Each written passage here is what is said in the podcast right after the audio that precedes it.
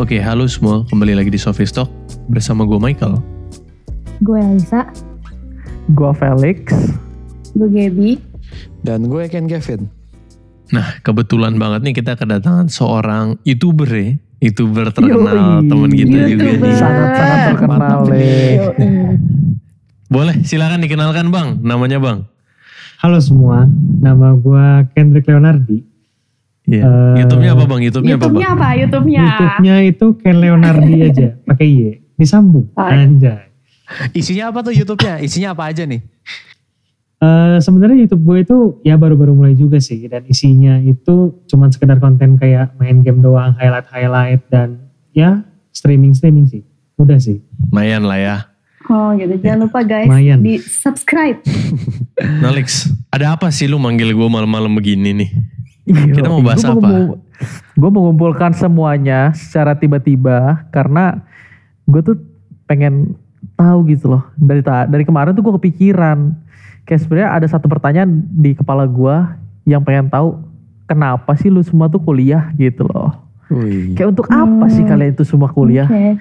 Nah ini buat bro bro bro, bro Kendrick nih kita ngobrol-ngobrol santai aja bro. Gua tahu lu kuliah juga kan pasti kan? Atau Yoi. karena nggak kuliah makanya lu jadi youtuber? Atau gimana? Gak gitu, gak gitu. Gue tuh, gue tuh kuliah. Tapi kuliahnya ya mungkin sedikit agak Oh, eh, niatnya niatnya kurang. aja gitu Terbutakan oke. oleh dunia YouTube. Ini kenapa gue tiba-tiba bingung gitu ya? Karena kemarin tuh gue liat konten YouTube apa gitu.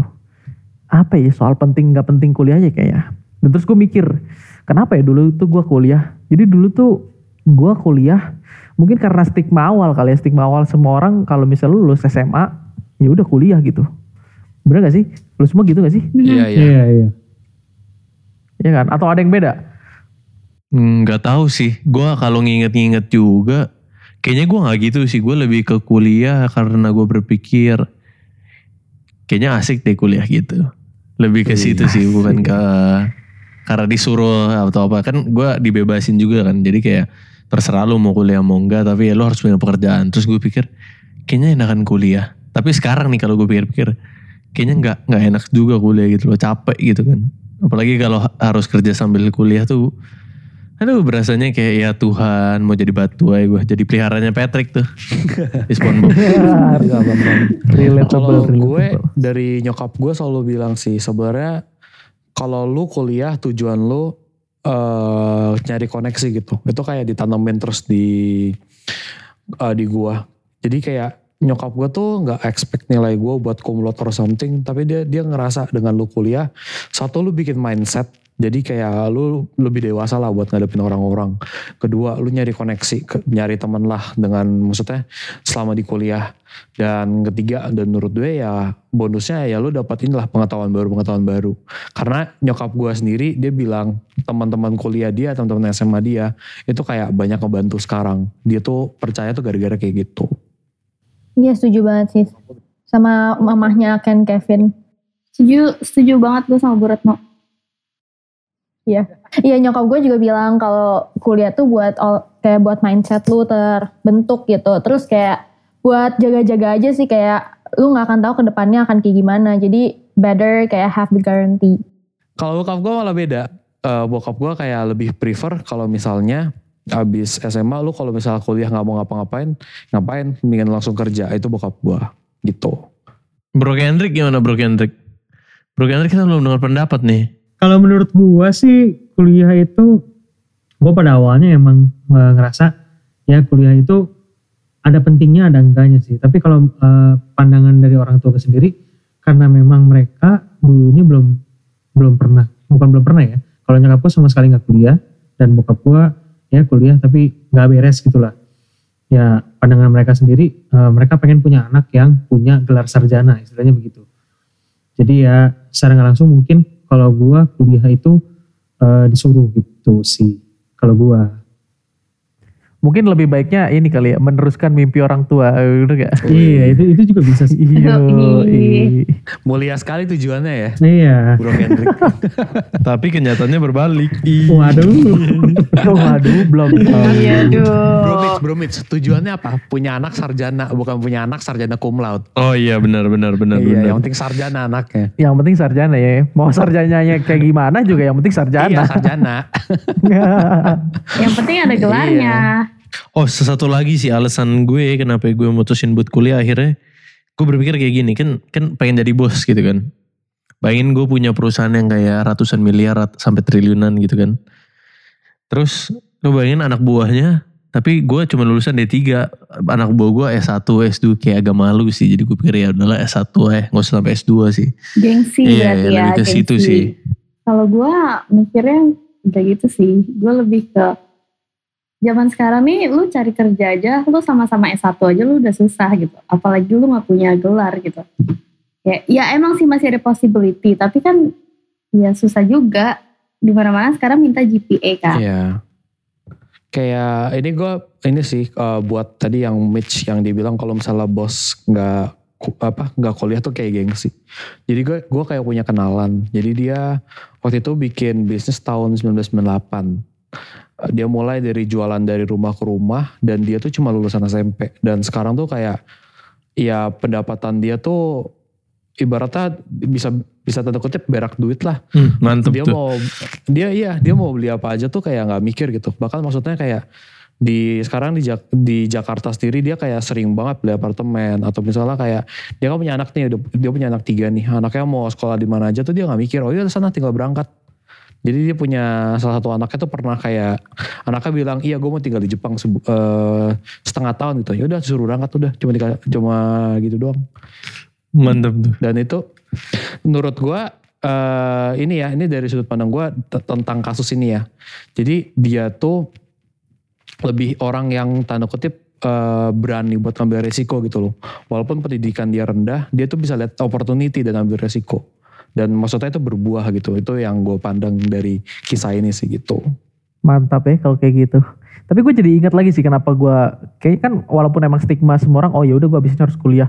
Tapi kalau ditanya reasons mungkin ya awalnya tuh gue emang orangnya suka suka dengan belajar kali ya. Gue suka mengenal hal-hal baru, gue suka punya knowledge baru. Gue gue menganggap edukasi adalah sesuatu hal yang penting gitu buat gue. Bukan bukan untuk apa pun tapi untuk kesenangan diri gue sendiri kayaknya ya ya selama ini sih seneng-seneng aja sih gue kuliah nggak nggak pernah se-stress-stress itu tapi Yakin. terlihat kemunafikannya ini Terlihat agak stres ya. gitu, mukanya. Yakin. Yakin Ada tapinya guys, masih ada tapinya.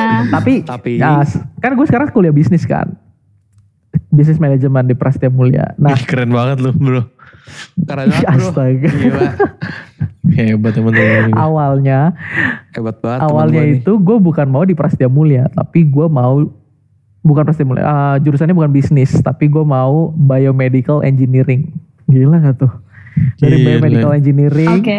Oke. yang IPA IPA banget sains dulu kan zaman SMA kan pasti kayak IPS IPA lu IPS atau IPA terus kenapa lu milih Ah, jurusannya iya kan Iya ada ada gengsinya. Lu IPA ya? Lu lu anak IPA ya, Lik? menurut lu menurut lu gue mukanya muka apa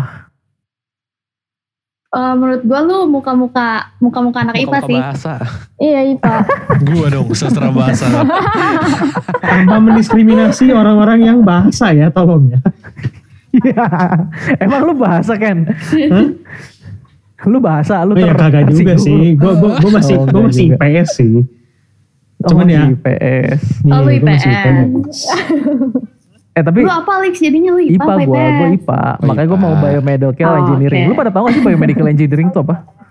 nggak tahu nggak tahu Jelasin, jelasin, IPA. Kayak jadi biomedical engineering tuh kayak lu mau jadi dokter tapi nggak nggak pengen nggak suka biologi gitu. Bukan Oh. kayak kalau di dokter kan biologi, biomedical engineering tuh fisikanya gitu. Jadi kayak gua bikinin alat-alat di rumah sakit. Beh, tajir tuh lu harusnya kalau Oke, kayak gitu ya harusnya Amin. salah masuk lu sekarang amin. sekarang tajir gak lu salah Enggak masuk kan? salah masuk sekarang Sekarang juga bisa jadi tajir ya Alik? Bisa, bisa, bisa banget. Tapi akhirnya gue nggak ngambil itu. Gue akhirnya ngambil itu karena itu pilihan pertama gue bisnis tuh pilihan ke-17 Banyak juga tulis. Banyak Gila. banget lu ya. Heran. ya biasalah orang Dua apa, tiga apa, empat apa, lima apa. waduh nomor satu tuh biomedical engineering dua tuh mekatronika tiga tuh mulai masuk ke biomedik ah, apa biotek habis itu food tech kayak gitu-gitu Masih yang IPA-IPA ya. ya habis itu masuk ke dunia kreatif habis itu ke bisnis manajemen ya itu urusannya sama ya sama lah kayak yang tadi kayak Bro Kendrick dan ya sebenarnya pengaruh orang tua juga kan. Ujung-ujungnya pengaruh orang tua. Tapi ya oke kok. Sekarang kuliah di di bisnis Prasetya Mulia itu. Tolong Prasetya Mulia kalau mau endorse langsung. Iya boleh lah. SPP dipotong 50%. ya kan? Iya, kita ada eh, ada enam orang ya di Ada sini. enam, kayak itu tuh ada enam tuh sama Kendrick. SPP-nya agak berat sih. SPP-nya dapat NMAX second kayaknya. iya. Katanya kemarin, kan kemarin udah dipotong tapi gitu. lu semua pada gitu gak sih iya hampir semua orang hampir kayak gitu gak sih kayak awalnya mau ngambil apa tapi Iya, akhirnya iya. apa gitu yang paling Jadinya banyak ngambil apa? iya yang paling banyak tuh biasanya dokter tuh gitu Enggak sih. Kalau gue kebetulan nih, gue nih emang orangnya pendirian banget kan. Eoi. Oke, Yoi. mantap, mantap. Yoi, Jadi- oke. Jadi jadi gue tuh Oke, udah oke. netapin dari awal gue mau kuliah di maksudnya eh, maksudnya gue kan benci banget sama teori lah ya. Gue lebih suka praktek kan orangnya lah ya. Gue lebih orang lapangan lah kalau bisa dibilang kayak gitu. Nah gue denger dengar Prasmul kan lebih banyak praktek kan. Makanya gue mutusin untuk coba masuk tes Prasmul. Gue tes dua kali tuh. Ya kan. Dan gue udah set kalau yang kedua gak masuk gue pindah gue nyusul sepupu gue di eh, UCLA. Ya kan. Nyesel gak lo? Bisa ya, nggak UCLA-nya jadi iya, kalau ini nggak loh. Jadi, Jadi cadangan loh. UCLA sumpah. Tapi setelah gue pikir-pikir, maksudnya se- setelah gue berpikir secara matang dengan keadaan gue sekarang, kalau dulu Tuhan Tuhan atau semesta kasih gue ke UCLA, rusak ngap hidup gue. Legit pasti rusak. Rusaknya udah gak karu-karuan, gue yakin, gue yakin gue beri taruhan berapapun pasti rusak sih itu. Nah, yang pertama nih gak masuk karena kebodohan gue sendiri ya. Biasa anak muda lu tau lah ya habis ngapain. Gak usah disebut lah ya. Iya kan? M M M. Eh, Iya, habis M. Nggak tahu sih Iya, gua, tapi habis ya udah oke. Duniawi, kesalahan duniawi ya kan? Iya. Belajar ya, belajar. Enggak, enggak belajar, enggak belajar. Nongkrong, habis itu pulang agak celeng. Oh, nah, yang kayak gitu-gitu tuh ya kan. itu Oke, itu udah oke, bukan udah bukan kisi-kisi lagi itu itu udah sesuatu apa ya namanya ya ngomongnya itu udah statement itu ya menunjukkan iya. sesuatu statement ya Po- pokoknya gue gue ingat gue baru pulang dari sebuah klub di bilangan Jakarta yang berinisial F. Bel. Ya. ya. Iya, kagak usah diinisialin Pak Iya itu, kan? udah kesebut. gue ingat nyampe rumah jam 4. Singkat gue tes Prasmul tuh jam 7 kalau gue gak salah kan. Rumah gue di Kelapa Gading. Jadi kayak kurang butuh waktu dua jaman atau satu setengah jam lah ke sana. Ya kan. Terus eh, waktu itu gue baru pulang, mandi, langsung jalan. Ya kan. Nyampe di sana jam 7, udah beli kopi, udah beli dopingan segala macam berharap bisa melek. Enggak, enggak gue kerjain cuma tulis nama tidur, kumpul, beres. Jadi lembaran kertas ujian saya sih? legit kosong ya kan benar-benar tidak ada isinya emang nggak ada akhlak ini nah terus gue setin tuh yang kedua Emang gak ada Yaudah yang kedua gue coba kali ini benar tidur tepat waktu bangun tepat waktu mencoba ujian alhamdulillah masuk kan kayak gitu Ini gue mau nanya nih. Ini kan kalian masuk Prasmul tesnya berapa kali nih? Ada yang sekali doang gak? Nih, gak ada otak gue nggak sampai ngap Tuh Elisa tuh cuma sekali doang. Elisa tuh sekali Elisa. Nih pasti yang lainnya, Gue iya dua yang lainnya kali dua sih. kali pasti. Karena gue juga dua kali. Kenapa Gua kali sih Gue gelombang dua sih bener. Karena Jarang, jarang banget, jarang banget yang sekali langsung Iya. masuk. Maksudnya kayak, ya Ada, possible uh, tapi uh. jarang gitu. Kemarin juga ngobrol sama itu kan Lik si Kak siapa? Gue ingetnya Kak, Kak Iya kenapa? Hah? Ya itulah pokoknya salah satu adminnya Prasmul dia bilang emang kayak rata-rata anak Prasmul masuk pasti dua kali tes. Itu kayak udah Hmm. majority-nya gitu. Kalau di distribusi normal ya tengahnya itu tuh yang gunung gitu. Oh berarti kita wajar, ya. Wajar. So, kalau soalnya selama ini gue mengira gue Nggak, gak wajar, dua kali dua masuk. wajar. tapi menurut lu pada menurut lu pada ini waktu tes prasmu itu apa yang pertama susah yang kedua jadi gampang atau gimana Gak tahu bro Enggak Gak tahu bro aja. Yang pertama kan gue gak tahu ngapain tuh Mungkin faktor hoki kali ya. Oh enggak. Oh iya juga sih Mitch. Yang pertama kan gak Soalnya gini, kalau kalau dari gue personally, tes yang pertama itu menurut gue tuh susah banget dibandingin sama tes yang kedua. Yang tes kedua tuh Karena soalnya sama. Ya gak sih? enggak sih. Kalau kalau gue jauh enggak. beda sih. Ya. Kalau gue gara-gara yang mungkin yang pertama kan tesnya di Jakarta kan. Atau mungkin Yang kedua itu tesnya di Bandung.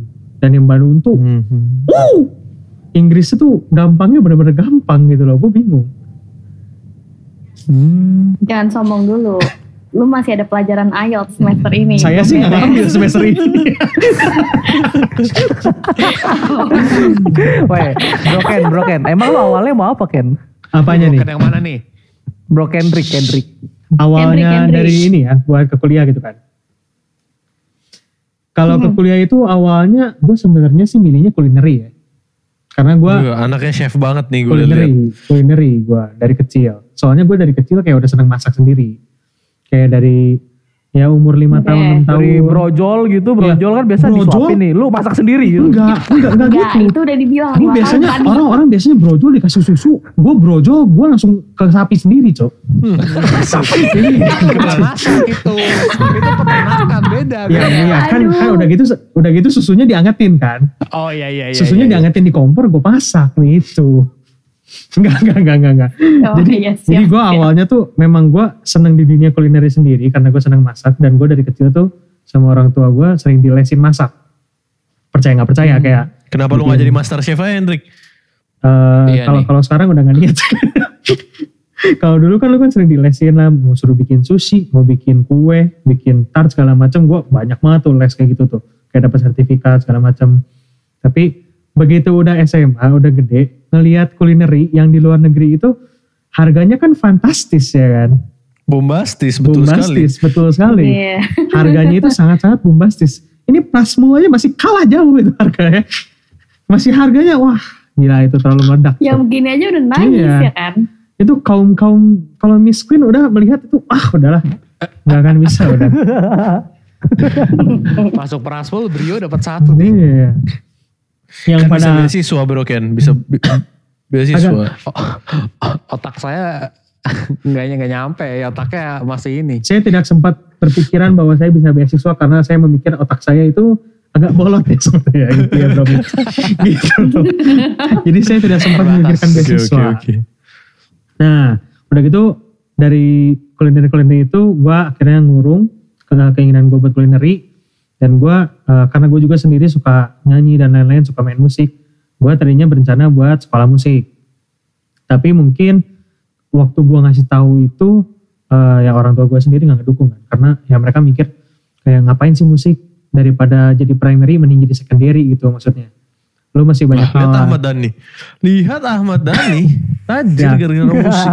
pendapat setiap orang kan berbeda-beda dan saya menggunakan uang mereka gitu kan jadi ya saya bisa apa nah, Betul, nah betul, itu dia betul. jadi karena mereka mikir ya mungkin itu secondary jadi gua mungkin banyak yang bisa lebih dipelajari dibandingin cuman musik gitu loh jadi akhirnya ya gue memutuskan gue kuliah apa kayaknya se- semua dilema anak SMA sih pasti gitu sih ngomong lu mau kuliah mau masuk mana ya? Gue nggak tahu ini. Dan akhirnya mungkin ada beberapa orang yang ikut temen. Bener atau enggak pasti bener sih. Akhirnya Gak masih tahu ikut gak punya temen ngap. oh lu gak punya temen? Gak sorry, punya temen. Terisolasi saya kebetulan pas SMA. kalau gue akhirnya ya memang eh, kayak yang tadi Bromit sudah ngomong kayak semua di Prasmul tuh kan mendengar banyak praktek segala macam nah akhirnya ya eh, ikut temen juga banyak yang ke sini. Dan akhirnya gue milih buat di Prasmul. Gitu loh Bro Felix Ya, Oke. Eh sebenarnya sebenarnya gue sama loh sama lu. Kayak jadi kan gue tadi pilihan ke-17 eh pilih bisnis kan pilihan ke-17. Di tengah-tengah tuh gue suka mulai kreatif kan. Nah, gue memutuskan untuk ambil perfilman, animasi, UMN. Itu kayak masuk itu gue udah gampang banget gue ambil beasiswa biaya uang pangkalnya udah nggak ada sama sekali dan segala macamnya udah udah enak banget lah ibaratnya gitu tapi ya sama dukungan orang tua kayak lu ambil kayak gitu mau kerjanya se, se secapek apa ntar lu kayak gitu kan dia bilang. Dan bahkan gue digertak kalau emang beneran mau lu kuliah dua. Disuruh kuliah dua cuy. Lu bayangin kuliah perfilman? Kuliah perfilman sama kuliah ya satu apa kan? misalnya akuntansi gitu yang yang yang gampang cari kerjanya. Boleh mati gua begitu. Akhirnya tapi gua nggak nggak nggak kayak apa ya nggak kayak ya udahlah ikut teman atau segala macam gua langsung mikir kayak gimana caranya ke kesukaan gue terhadap hal hal-hal kreatif itu bisa jadi apa ya bisa tetap gue jalanin dan akhirnya gue pikir apa gue bisnisin aja ya hal-hal kayak gini kayak waktu karena waktu itu gue pernah ngerjain satu proyek dan akhirnya dibayar dan itu menurut gue kayak suatu satisfaction yang sangat oke gitu loh pas SMA lu ngerjain kreatif project sama teman-teman lu tapi dapat duit gitu Dan achievement juga sih. Nah iya achievement kan. Dan gue akhirnya mikir apa gue bisnisin aja ya. Nah gue langsung cari sekolah bisnis di Indonesia kan. Muncul nomor satu Prasetya Mulia ya udah masuk. Udah. Nih gila, Gila, memang gila. bos gue. Emang pengennya yang nomor satu ya terus ya. Eh isi betul. Cuma gelombang satu kan ketemunya eh lu nih gelombang dua gila banget. Gelombang dua tuh lu tau gak sih kalau di Prasetya Mulia kalau misalnya lu dapat kalau misalnya lu dapat eh, email tambahan selain email keterima itu ada email selamat dapat beasiswa kan. Oh iya iya, buat yang lanjut interview ke kan. proses beasiswa. Nah itu gue dapet itu cuy. Gue gue dapet itu, gue screenshot ke nyokap gue. Mam, ini dapat beasiswa. Gue udah seneng banget kan gue. Gue udah bangganya luar biasa. Gue udah pamerin ke nyokap gue. Tau-taunya revisi deh. Kena prank, kena prank. Digocek gue. Digocek, Anda tergocek gocek. belum belum udah di prank. Digocek aja. itu sih goblok banget anjir. Kalau lu gimana Cap? Lu gimana? Lu gimana? dulu tuh gue tuh dulu udah bingung banget gue mau ambil apa karena gue pertama gue nggak suka ngitung kedua gue bego banget menghafal jadi IPA enggak IPS enggak ya kan tadinya dulu tuh gue bingung kan akhirnya mau pilih apa terus gue kebetulan ada kampus tour dan gue tour ke UMN akhirnya pendaftaran gratis dan gue nggak perlu tes dan udah pasti dapat beasiswa gitu. Ya udah gue daftar iseng-iseng gue daftar. Dapatlah gue sama kayak Felix tapi gue ambil ilkom. Kayak beasiswa dapat uang pangkal cuma berapa. Terus kayak udah bener-bener udah tinggal regis ulang doang. Terus nyokap gue bilang gak mau coba prasmul aja. Digituin sama mak gue terus gue awalnya mikirnya kayak ya udah gue coba. Nggak dapet satu. Terus kata mak gue sekali lagi sekali lagi gitu ya udah sekali lagi dapet jir kagak jadi gue masuk ilkom Tapi Gap, lu kan lu belum bayar kan? Gue waktu itu daftarnya DKV UMN, udah keterima, udah beasiswa. Terus nyokap gue bilang, tes tes Prasmul sekali lagi. Gue juga eh, terus tes Prasmul sekali lagi. Terus kayak nyokap gue bilang kalau lu masuk Prasmul, lu ambil Prasmul. Tapi kalau lu gak masuk udah lu masuk UMN. Eh, dapat Prasmul, dapat Prasmul. Pusing dik. Untungnya gue belum bayar sih waktu itu. sama banget. Jadi sebenarnya kita bertiga kan, kita bertiga, Iya, gua, iya, lu dan Felix sebenarnya bisa satu kampus. Emang udah Kenapa? ditakdirkan kayaknya. Iyo, kan sekarang kita semua di di bisnis kan ya berarti. Ya kan? Pada nyesel gak sih sebenarnya? Gue nyesel, Nyesel. Kenapa tuh? nyesel. Gue nyesel. Enggak, gue gak nyesel. Lu gak nyesel, Sa? Gimana nih yang gak nyesel nih? Lu gak nyesel, Sa? Enggak. Kenapa? Maksudnya kayak, apakah dari awal lu emang, apakah dari awal lu pengen, emang pengen bisnis sehingga lu gak nyesel gitu atau gimana? Oh enggak, gue awalnya pengen ke dokteran. Kayak dokter spesialis kecantikan, tapi nggak jadi karena orang tua nggak dukung. Terus gue mau ambil hotel, eh, tapi nggak jadi karena bokap gue bilang kan lu orangnya nggak mau disuruh-suruh dia bilang gitu. Jadi Nggak salah. ambil hotel. jadi bokap gue bilang ya udah lu ambil bisnis aja. Tapi pas gue ambil bisnis nggak tahu kenapa eh sekarang gue malah rada ragu untuk buka bisnis kayak gitu. Jadi kayak nggak tahu. Tapi gue nggak nyesel nggak nyesel juga kan gue ambil bisnis karena ya gue nggak tahu lagi gue mau ambil apa. Kalau gue bisa ubah juga gitu. Jadi gue bersyukur aja gue ambil bisnis dan eh, nilai gue masih oke Iya, gitu. iya. Iya, gue bisa relate. Kalau lu kenapa Ken? Lu lu lu kenapa Ken Kevin? Kenapa Gua nyesel? Nyesel ambil bisnis karena gini loh. Jadi kayak eh, salah satu sepupu gua, dia juga ngambil bisnis kan. Dia ngambil bisnis waktu itu di China, terus dia bilang, eh, bisnis itu belajar tuh terlalu broad. Lu dapat semua, lu nyemplung semua, tapi lu nggak ada yang satu spesialisasi. Dan gua ngerasa kayak, iya gua ngerti semuanya, tapi gua kayak nggak ada yang maksudnya gue bener-bener excel di situ gitu loh. Jadi lu kayak jack of all trade bukan kayak eh, lu di satu titik gitu. Jadi kayak eh ngerasa gini aja. Orang kadang kalau udah ngomongnya udah sampai detail, lu jadi kayak bodoh gitu kayak, hah apa sih? Tapi lu nger- ngerti konsep dasarnya doang. Jadi kayak menurut gue tuh eh iya terlalu luas belajarnya sih. Gue harusnya waktu itu eh, pas Prasmo sih gue sangat mengusahakan branding ya. Tapi karena tau gak sih kalau di Prasmo itu punya cap tuh kalau branding tuh anak buangan bisnis gitu. Jadi kayak ya lu masih SMA masih ada pride-pride kayak gitu jadi kayak ngerasa itu aja sih kalau gue. Cuma sekarang gue baru nyadar gitu kayak harusnya gue memperjuangkan branding. Gitu kalau gue. Kalau gue sendiri sih sebenarnya gak nyesel sih. Kalau gue sebenarnya gak nyesel karena Kenapa tuh? gue sendiri nggak tahu ya. Gue nggak tahu ini teori gue bener apa enggak, tapi gue memiliki teori sendiri Buset, mengenai udah bikin teori lu. kuliah Udah ada bisnis Maslow gitu. lu Apa itu bang? ya. Apa itu bang? Apa itu bang? apalagi Profesor Kendrick. enggak, apalagi khususnya di. Prasmo gitu. Apa Karena- tuh teorinya? Jadi gini, kalau menurut gue teori gue sendiri buat kuliah bisnis itu secara nggak langsung mungkin eh, lu tuh bakal dipersiapkan buat kerja, bener? Biasanya kalau kuliah-kuliah kan lu kan pasti dipersiapkan bukan buat memiliki satu usaha, tapi lu dipersiapkan buat memiliki eh, buat memiliki pekerjaan dan kerja ke orang gitu loh. Nah, terus eh, yang jadi teori gue itu mungkin dengan lu kuliah, lu membayar kuliah secara nggak langsung itu lu membeli koneksi ke teman-teman lu yang mungkin punya koneksi ke orang lain. Nah itu dia kenapa gue gak nyesel buat masuk kuliah bisnis. Karena menurut gue ya eh, kuliah di Prasmul itu apalagi ya Prasmul ya yang mahal dan ya lain-lain lah kita tahu. Menurut gue koneksinya itu ya kenceng gitu. Dan itu yang kita butuhin buat ya nanti mungkin kita jalan di ke depannya sih. Jadi menurut gue gitu. Eh sadar gak sih? Gue gak tahu sih ini kejadian di gue doang atau kalian juga. Tapi kayak setiap gue jalan sama teman-teman gue, bukan teman-teman Prasmul ya, kayak teman-teman luar Prasmul, kayak kadang mereka ngomongin brand A nih, terus gue yang kayak, oh iya Ya, gue tahu itu punya teman gue gitu. Betul banget. Ada sih beberapa. Atau itu gue doang. Iya. Iya gue Sering bisa banget. relate. Bisa relate. Mungkin karena gue gak punya banyak temen jadi gue jarang jalan di luar temen gitu kan. bukan bukan beda beda. Kalau kalau lu Mitch ngomonginnya yang yang lain-lain soalnya teman-temannya tuh buat ini Mitch buat minum-minum beda. Iya.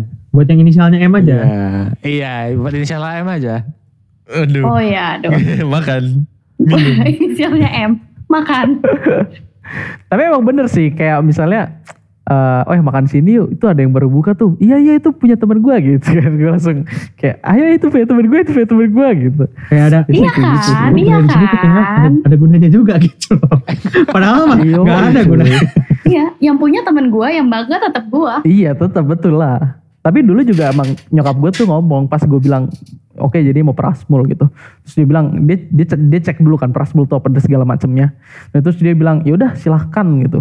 Dia sampai bilang ya udah silahkan gitu. Toh ntar dapat konek cari koneksi di sana yang banyak, dapetin istri yang yang tunggal terus kaya raya gitu.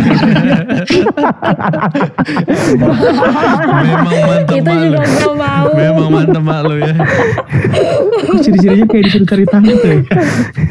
Waduh. Di Prasmul. iya biar biar prestis gitu. Kuliah di mana nih Prasmul bisa dapet sugar mami gitu. Kalau gue sih kalau ditanya gue nyesel nggak nyesel sih. Lu tau gak sih gue, gue jadi awal gue masuk ekspektasi Prasmul sebagai sekolah bisnis nomor satu gitu ya. Kalau kayak tadi Ya, Felix ya. bilang Google. Ekspektasi gue gini. Oke semester 1 sampai 2 gue belajar. 3 sampai 4 gue punya lah bisnis kecil-kecilan sama temen. Ya kan? Ternyata kenyataannya terbalik. iya. Idealis Hidup sekali gitu. itu. Ya, mak- maksudnya gue punya pembayangan, oh ini kan anak-anak super dong. Yang masuk sini koneksinya mantap dong. Iya kan? Yang eh, mungkin ini kenaifan gue ya. Gue berpikir bahwa mereka akan ambisius dan mengejar eh, impian mereka. Ternyata saya lebih suka menghamburkan duit ya kan. terus Mahal. terus gue juga suka berpikir kayak oh mu- kemungkinan besar dosennya ini akan lebih banyak yang praktisi yang nggak banyak bacot teori ya kan? Cuman ternyata iya terlalu banyak sih yang banyak teori. Masih, Masih ada. nggak harus disebut namanya kan misalnya contoh gitu kan. Tapi tapi ada beberapa dosen yang kayak gue harus apresiasi kayak Pak Daniel Tarigan itu sebagai praktisi itu menurut gue sih sangat-sangat oke sih. Kayak gitu-gitu. Jadi jadi gue antara kecewa dan gak kecewa ya tapi sekarang gue juga belajar sih jadi ya it's okay lah Jalani. Tapi Jalani, jalani. sih, iya, gue nyesel tuh cuma nyesel masuk bisnis, bukan nyesel masuk Prasmul. Cuma gue dulu ya, kan dulu gue punya mantan juga kakak kelas di Prasmul kan. Kalau misalnya tuh bokap gue tahu dia di Prasmul, gue pasti gak akan boleh masuk Prasmul. Cuma karena waktu itu bokap gue gak tahu, jadi gue dipaksa masuk Prasmul, gitu. Emang Gitu. kenapa kalau dia tahu? Iya. Ya gitulah, kayak nggak tau lah, gue nggak ngerti hubungan gue sama dulu tuh kayak terlalu diatur sih menurut gue. Cuma Hmm. ya, Oh, ya gitu deh. Oke, nanti kita bikin satu episode baru untuk ngomongin itu. Ingetin ya, ingetin. Kalian pernah gak sih kalau gue kan sebenarnya pas SMA tuh kenapa gue masuk IPA, gue tuh eh, pengen banget gitu masuk penerbangan. Tapi karena satu dan lain-lain hal tuh kayak jadi batal gitu. Ada gak sih yang punya pengalaman kayak kurang lebih kayak gue gitu? Ya itu biomedical engineering.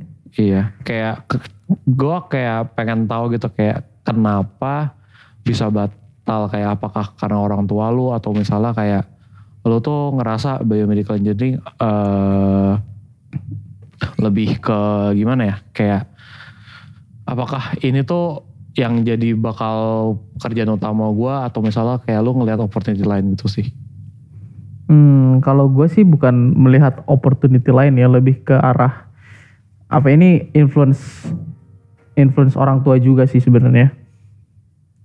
Kayak eh gue nggak tahu kalau misalnya biomedical engineering itu nanti dalam-dalamnya akan seperti apa. Kayak lu ngerti gak sih kayak gue tuh ditanya biomedical engineering tuh lu bakalan belajar apa nanti? Ditanya sama bokap gue kayak gitu kayak lu tau nggak nanti yang dipelajari apa aja kurikulumnya seperti apa semester 1 kayak gimana sampai semester ter- terakhirnya kayak gimana. Dan nanti gue akan bikin tesis seperti apa dan nanti gue lulusnya kayak gimana kayak gitu. Nah pada saat gue itu gue kelas berapa ya berarti? Satu SMA kayaknya. Satu SMA atau tiga SMP itu gue nggak bisa jawab itu semua kan karena mungkin ya mungkin kayak masih males cuma ngeliat oh ini apa nih keren gitu segala macam. Terus gue males gali-gali lebihnya lagi. Dan belum se itu akhirnya nggak jadi. Tapi kalau misalnya yang ngomongin penerbangan ya nih kan ada satu teman gua emang dia sebenarnya sama pengen penerbangan juga pengen pilot juga. Itu dari dari dulu zaman gua SMA tuh kenal dia udah mainnya tuh apa flight simulator terus terusan sampai dia beli beli yang alat-alatnya gitu. Dia ngerti semua udah dihafalin dan segala macamnya tapi yang gak, yang bikin dia nggak jadi adalah dia ternyata buta warna So sad. sedih gak sih iya tuh sedih Sedih banget Sedih banget kan. banget. Temen gue juga ada tuh kayak SMA tuh kayak pengen jadi dokter kan. Terus kayak ternyata dia buta warna parsial. Iya, dia juga butuh warna parsial, bener. Kayak, ay- kayak as, mimpi hancur cuma karena, iya mimpi hancur cuma karena kamu dilahirkan berbeda. Gila gak lu? Mungkin semesta Iya, punya iya rencana sih. yang lebih baik. Waduh. Kayak Betul, kayak betul. Mitch bilang dia kalau masuk UCLA mungkin lebih hancur gitu. Iya, buktinya sekarang Iya, dong, Mbak. buktinya, Buktinya sekarang iya dia sekarang hancur. bisnis sama gua, lumayan Iya. sukses. Iya kan? Lumayan lah ya kita lah ya. Ada lah ya cuan-cuan tipis-tipis ya. Kang tahu tipis-tipis lah. Kalau lu nyesel gak, Gap? Gua sometimes gue nyesel, sometimes gue enggak. Tapi banyak kan enggaknya. Gue lebih nyesel di apa ya? Di pelajarannya sih. Kayak apa ya? Gue nggak nyesel masuk Kenapa bisnis. ada Cuma Bistat? kadang gue mikir kayak Kenapa "Anjir, ada kenapa sih BRM gue ya masuk sini? Gue harus Kenapa ada SPSS? Walau gitu. eh. Iya, iya, iya. Kayak kenapa, kenapa gitu. Kayak kenapa harus ada yang kayak gini-gini gitu. Tapi sometimes gue mikir kayak, anjir, gue bisa juga nih nguasain materi ini gitu. Kayak, oke good. Padahal gue dulu anak IPA yang bener-bener gue gak menyentuh IPS sama sekali gitu. Bahkan kayak, kan ada kan dulu pas di SMA tuh yang kayak, apa sih, Lintas minat. cross. lintas apa sih minat. yang nyebrang Lintas minat. Iya lintas minat, lintas minat. Itu tuh lintas minat di sekolah gue tuh bahasa. Jadi gue nggak bisa ambil uh, pelajaran IPS gitu. Jadi gue cuma bisa ambil bahasa, Mandarin atau Inggris. Jadi gue bener-bener zero knowledge di Mandarin IPS. sama Inggris tuh wajib gue di SMA. Terus kayak Mandarin. Mandarin ya dulu kalau gue ujian ya itu cepet, oh, apa lomba cepet-cepetan. Jadi bukan lomba yang dapet nilai paling bagus, nilai, nilai paling jelek yang menang. Teman gue pernah, dia naruh goban di toilet. Pokoknya siapa pun yang ke toilet duluan itu ngambil itu goban dapet goban. Jadi kayak ujian eh, waktu itu eh, ujian akhir Mandarin gitu. Itu ujian atau roulette ngap? Judi gue liat-liat tuh. Lah makanya Terus jadi kayak gitu. Jadi kayak gue dulu ngerjain ujian Mandarin tuh jawaban dari nomor 1 sampai 10 tuh C semua udah bodo amat. Terus abis itu kalau udah ada esai nyal nyalin soal. Kan kan Kalau ada teorinya kan. Kalau teori gitu ya. Kan ada hitungannya. ada hitungan. Bukan maksud gue ada hitungannya kan. Bukan bukan maksud gue ada hitungannya kan. Berapa persen yang Oh. C itu probability Iya, bener. iya. jadi paham. kayak paling cepat soalnya kayak Iya cerita kan? kayak gitu kan. Terus kalau misalnya udah kalau udah esai, kalau udah esai, esainya misalnya kalau eh, esai isian, gue salin soal. Terus kalau misalnya esai disuruh cerita, gue ceritanya pakai bahasa Inggris. Lintas Terbaik. minat sekali ya. Lintas minat sekali. Aduh, tapi kalau ngomongin lintas minat ya, kadang kayak kayak begitu yang bikin gue nyesel tuh apa ngap? Gue inget banget lintas minat itu kan waktu itu kayak ada cross itu juga dan gue bego banget matematika, gue inget banget. Guru gue pas SMA, pas matematika dia gini, dia panggil gue ke depan, dipanggil namanya kan dibagi nilai 20 gue, ya kan? Dia bilang, kau pajang ini figura, kau figura kan di kamar buat kau ingat-ingat seberapa pintarnya kau. Digituin kan gue, digituin gue. Terus dengan akal-akalnya gue, ujian berikutnya gue cepein. Gue datengin ke meja guru, di ruangan guru, gue gua taruh bapaknya, Pak buat bapak, kau figurakan di depan tuh. meja kau. Gue gitu kan, kau figurakan. Ingat seberapa pintarnya aku. Sejak saat itu dia gak pernah gitu lagi. Tapi kemarin, semester kemarin pas gue ketemu Bobby Stat gitu, gue kayak aduh tolol juga ya, susah juga nih buat gue gitu. Pokoknya gara-gara dia merendahkan gue, gue punya motivasi belajar keras, bagus. Gue datengin mak ke ruang guru dengan ada guru killer di depan dia bodo amat. Kau figurakan ini di meja kau ingat seberapa pintarnya aku. Gue tinggal itu kertas ujian gak gue bawa pulang. Persetan. Gila, savage banget. Mitch Mitch by the way, menurut lu di di kampus pelajaran apa yang menurut lu paling Bistat. anjir gitu? IELTS. Paling paling Bistat. paling lu nggak Gue bistat. IELTS, IELTS gue masih oke karena IELTS gue paham IELTS itu buat apa tapi gue gak paham kenapa harus ada IELTS 2 padahal kan ada IELTS 1 Nah itu Konsepnya dia, kan itu sama. dia, itu dia. Nah, itu dia. Tapi kenapa gue benci bistat? Kadang tuh dosennya kayak minta yang ribet-ribet-ribet gitu kan. Terus gue kayak, gue bisa bayar orang cok buat ini gitu. dosen lu Ini siapa bukan urusan gue. Dosen, kan kita ada dua ya. Sis-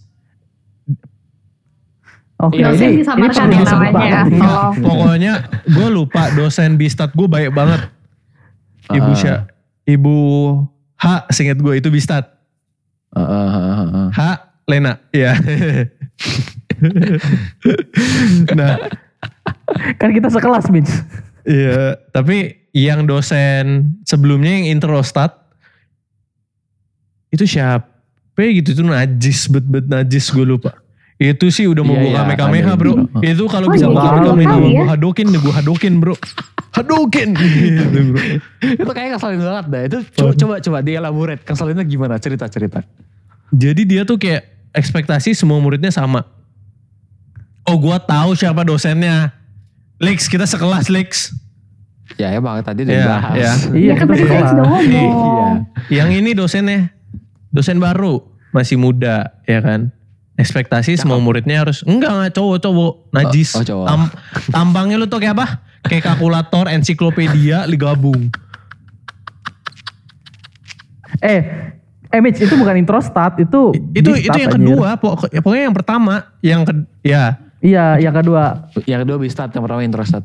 Nah terus Iya iya yang kedua bisa, terus yang tuh kedua bisa. Iya. oh iya yang ke- yang itu yang lanjut DA ya, gue lupa. Iya, nah iya, itu iya. yang Bistat itu tuh itu najis banget soalnya dia expect semuanya sama. Jadi kayak satu satu teman gue nih maju ke depan gitu kan.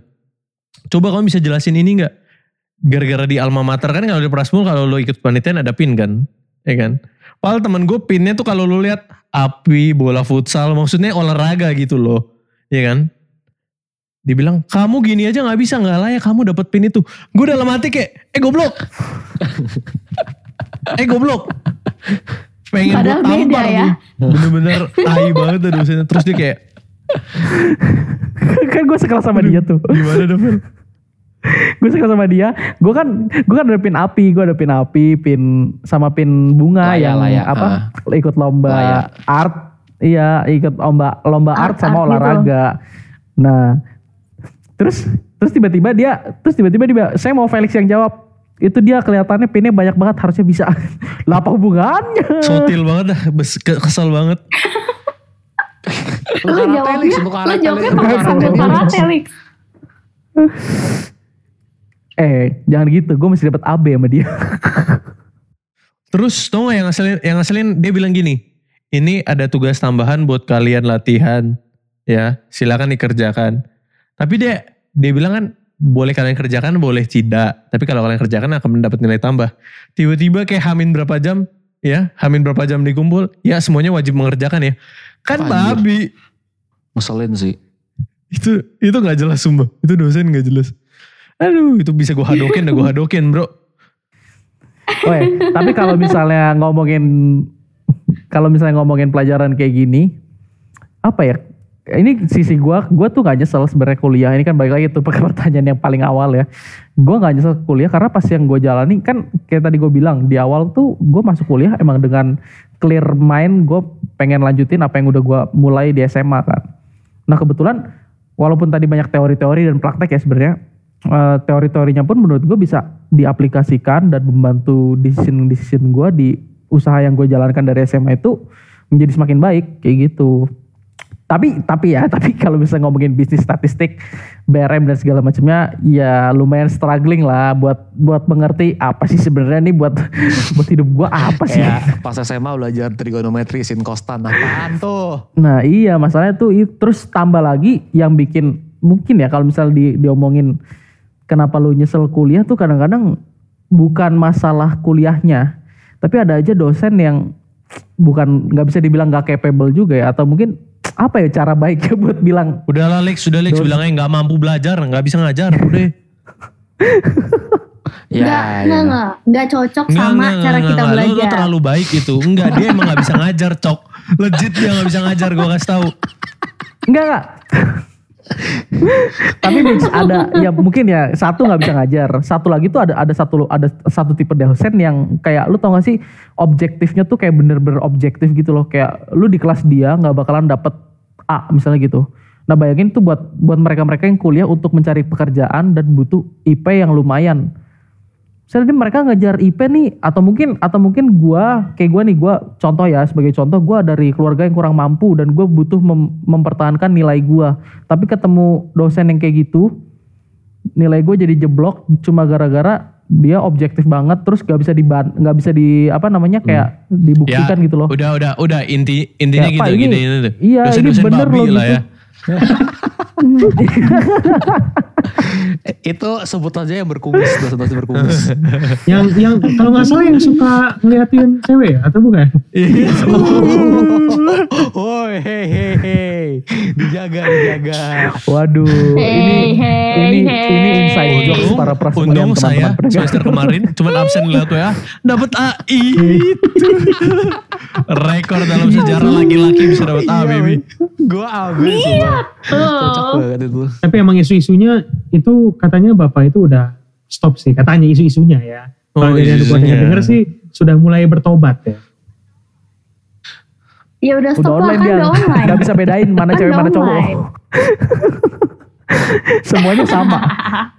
iya, Soalnya semuanya di sama. WhatsApp cuma Cuma nomor kelihatan handphone kalau di doang, Google ya Meet misalnya cuma kelihatan inisial nama doang kan gue F gitu, Michael M gitu.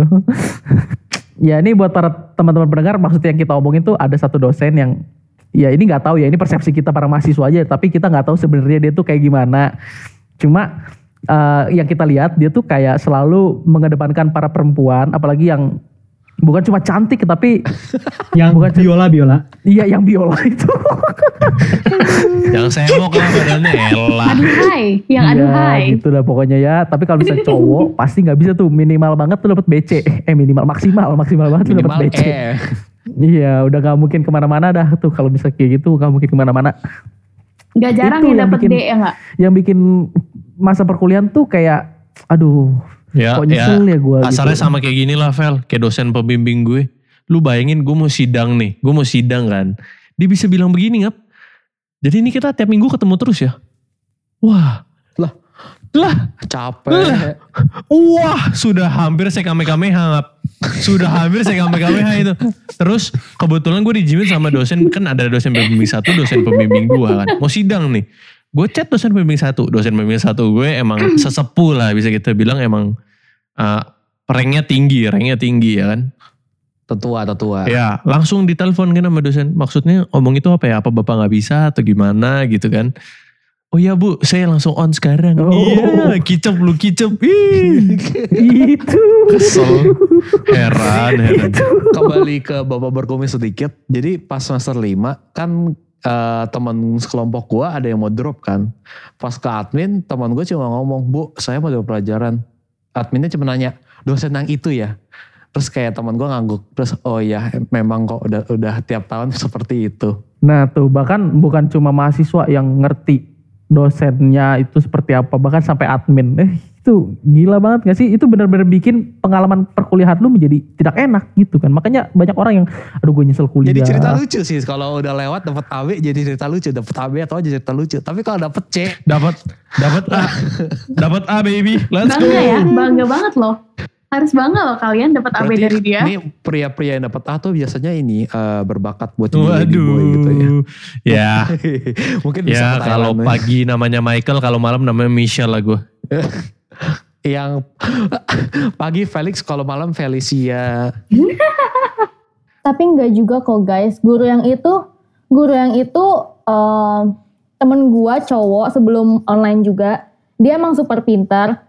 Dia dapat AB kok sama itu Tapi guru. katanya itu susah banget untuk cowok dapet itu. Kalau cewek itu itu tuh lebih satu gampang. dari seribu kayaknya.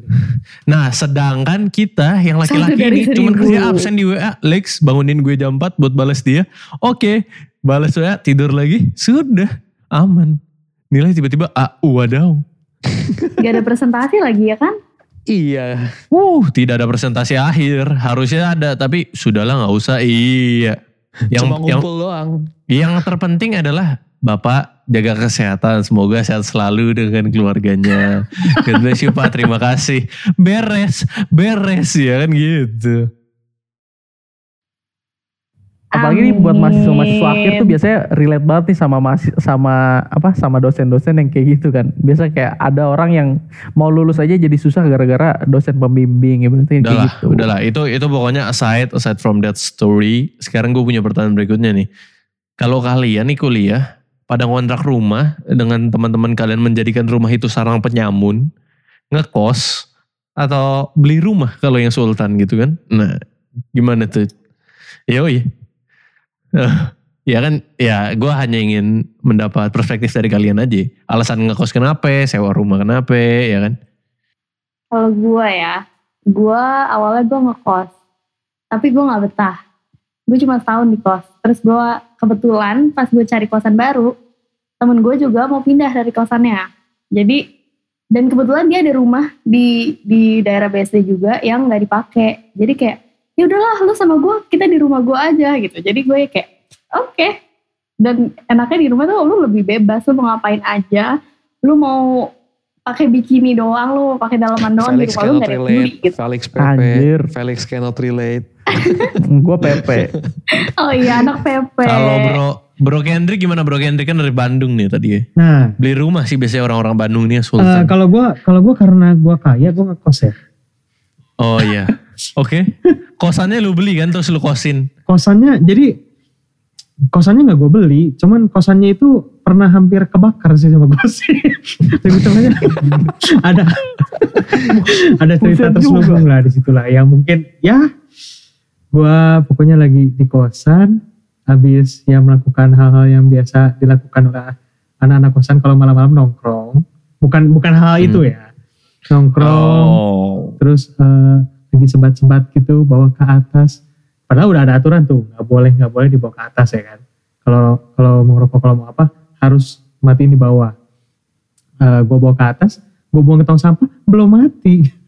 Ternyata gue tinggalin main komputer gue keluar keluar tong sampah udah jadi kayak kipas ya satu kos asap semua. Iya barbecue. Dia barbecue. Ya pokoknya intinya gue dari Bandung sih gue ngekos sih. Mungkin karena gue pilihannya Kenapa? eh Kenapa lu gak mau sewa rumah gitu sama temen? Kan lebih murah gak sih jatuhnya? sebenarnya jatuhnya mungkin lebih murah. Eh, cuman kalau misalkan gue pikir-pikir lagi, gue ngekos itu kan kayak apa ya? Selama menurut gue kamar gue nyaman, ya itu jadi kayak daerah milik gue sendiri gitu. Kalau sedangkan rumah kan lu kayak eh, walaupun lu ketemunya nanti eh, ada temen yang gimana-gimana, ada temen yang gak enak atau gimana, jadi kayak ngerusak suasana rumahnya aja gitu kalau misalkan. Iya, bareng iya sama sih. Soalnya gue, soalnya gue sendiri punya pengalaman buat kayak satu kamar berdua kan dulu pas pertama kali mulai ngekos di Tangerang di dekat Prasmo. Gue berdua sama temen gue yang gue kira dari SMA itu ya orangnya kayak rapi segala macam. Ternyata pas sudah masuk kosan, oh wadidaw gitu kan. saya tidak bisa memungkiri hal tersebut bahwa saya iya di luar ekspektasi. Saya setiap hari emosi karena kamarnya kotor. Jadi ya, Iya, iya, iya. ya gue nggak mau kejadian itu Ngerti pulang lagi ya, gitu istilahnya. Emang ada ada ada alasannya tersendiri lah. Bener-bener kayak tapi kadang-kadang kalau misalnya ngekos ya ada benefitnya banyak bisa lu ketemu orang-orang jadi ngebantuin lu ngebantuin balik lagi Iya. tadi ke koneksi dan segala macamnya gitu kan. Gue pun nanya terakhir dah nih. Menurut lu jadi sebenarnya kuliah itu penting apa enggak sih? Buat gue penting sih. Apa alasan anda? Ada yang bilang gak penting gak? Menurut gue penting gak penting? Kalau lu cuma boleh pilih satu, lu milih penting atau gak penting? Loh, enggak, enggak bisa seperti itu. Itu tergantung kebutuhan masing-masing orang. Ada orang yang kuliah untuk emang mencari pekerjaan, ya silahkan berarti untuk mereka penting. Tapi jika emang setiap individu, kan setiap individu pasti berbeda kan. Misalnya ada orang yang mungkin dari SMA punya jalanin bisnis dan dia pikir gue gak usah kuliah lah daripada gue buang-buang duit, gue mendingan lanjutin bisnis gue. Ya gak masalah, menurut gue itu juga, menurut dia bahkan kuliah gak penting karena dia udah making money tapi kalau dia mau expand bisnisnya mungkin ada beberapa beberapa ilmu yang dia belum dapat bisa dia pelajari secara online. Apalagi sekarang di Google kan segala sesuatu udah gratis ya. Informasi mudah lah kita peroleh. Tapi ya mungkin akan ada ya Atau ada yang lebih kuliah baik untuk kuliah. Ya kasarnya gini deh kalau gua anak lulusan SMA gue udah sukses di bisnis gitu lah ya. Gue udah tajir gitu. Terus tiba-tiba gue mau dapat project nih. Ada misalnya kamu pegang PT Freeport deh jadi direktur dengan gaji misalnya let's say sekian gitu kan per minggu gitu. Ya kalau gue merasa nggak sanggup gue gue akan iyain tetap karena duit bos cuan bos. Tapi gimana cara gue bisa dapat knowledge-nya ya mau gak mau gue sambil kuliah lah. Karena gue gak mungkin knowledge gue nol dong. Bisa ditipu sama orang-orang tambang di situ gue. Jadi menurut gue kuliah itu penting atau nggak penting tergantung dari orang individu masing-masing sih. Bener bener bener. Gue setuju banget soalnya ya gue setuju banget karena eh, sebenarnya nggak ada nggak ada jawaban yang benar di sini kalau misalnya kita gali ya, ya ada pro dan kontranya tergantung kebutuhan dan kondisi lu masing-masing. Gue pernah dapat nih, ini cerita dari salah satu stand up komedi siapa gitu ya, gue lupa namanya. Dia bilang kalau misalnya lu kuliah dokter, lu habisin duit berapa misalnya? Buat uang pangkal aja tuh udah butuh 100 juta lebih, ya kan? biaya semester berapa biaya semester tuh kira-kira berapa sih dokter? Ya pokoknya segitulah dan lu harus bayarkan itu banyak semester kuliah dokter apalagi semesternya nggak dikit. Nah, lu bisa milih kan kalau misalnya nggak kuliah, uang biaya biaya kuliah itu bisa jadi apa? Lu beliin mobil. Kita bandingin ya, satu yang kuliah dokter, satu yang yang kuliahnya eh, yang uang kuliahnya dibeliin mobil. Yang satu kalau misalnya lulus dia jadi dokter, yang kedua yang nggak kuliah, kalau misalnya udah berapa tahun, dia jadi juragan mobil, jual, jual beli mobil, Iya. sama aja. Tergantung prinsip duit. dan kebutuhan mereka lah ya kan. Ya kasarnya kayak kita deh. Sekarang nih kalau kita ngitung nih, total-total gue estimasi dengan let's say eh, uang jajan untuk anak muda sekitar 5 juta lah ya. Selama kita kuliah 4 tahun nih kurang lebih tuh sekitar hampir 700 juta lah. 700 juta kalau lu bikin bisnis beneran dan lu terjun ke lapangan nih. Ya walaupun mungkin lu dari 10 juta, 20 juta mulai ditipu terus lu belajar ya. Bisnis lu bisa segrow seperti apa sih akan gede juga. Tapi dengan lu masuk kuliah di sini ya lu belajar suatu hal yang lain gitu. Bener sih, banyak banget pro dan kontra yang emang perlu dipikirkan sebelum kita beranjak beranjak melangkah ke dunia kuliah. Jalani dan nikmati. Buat kalian semua pendengar yang lagi kuliah, semangat ya. Yang udah mau lulus, yang lagi tugas akhir, semangat. Buat yang lagi kuliah sambil kerja, yo semangat cari duitnya biar bisa bayar SKS semester ya.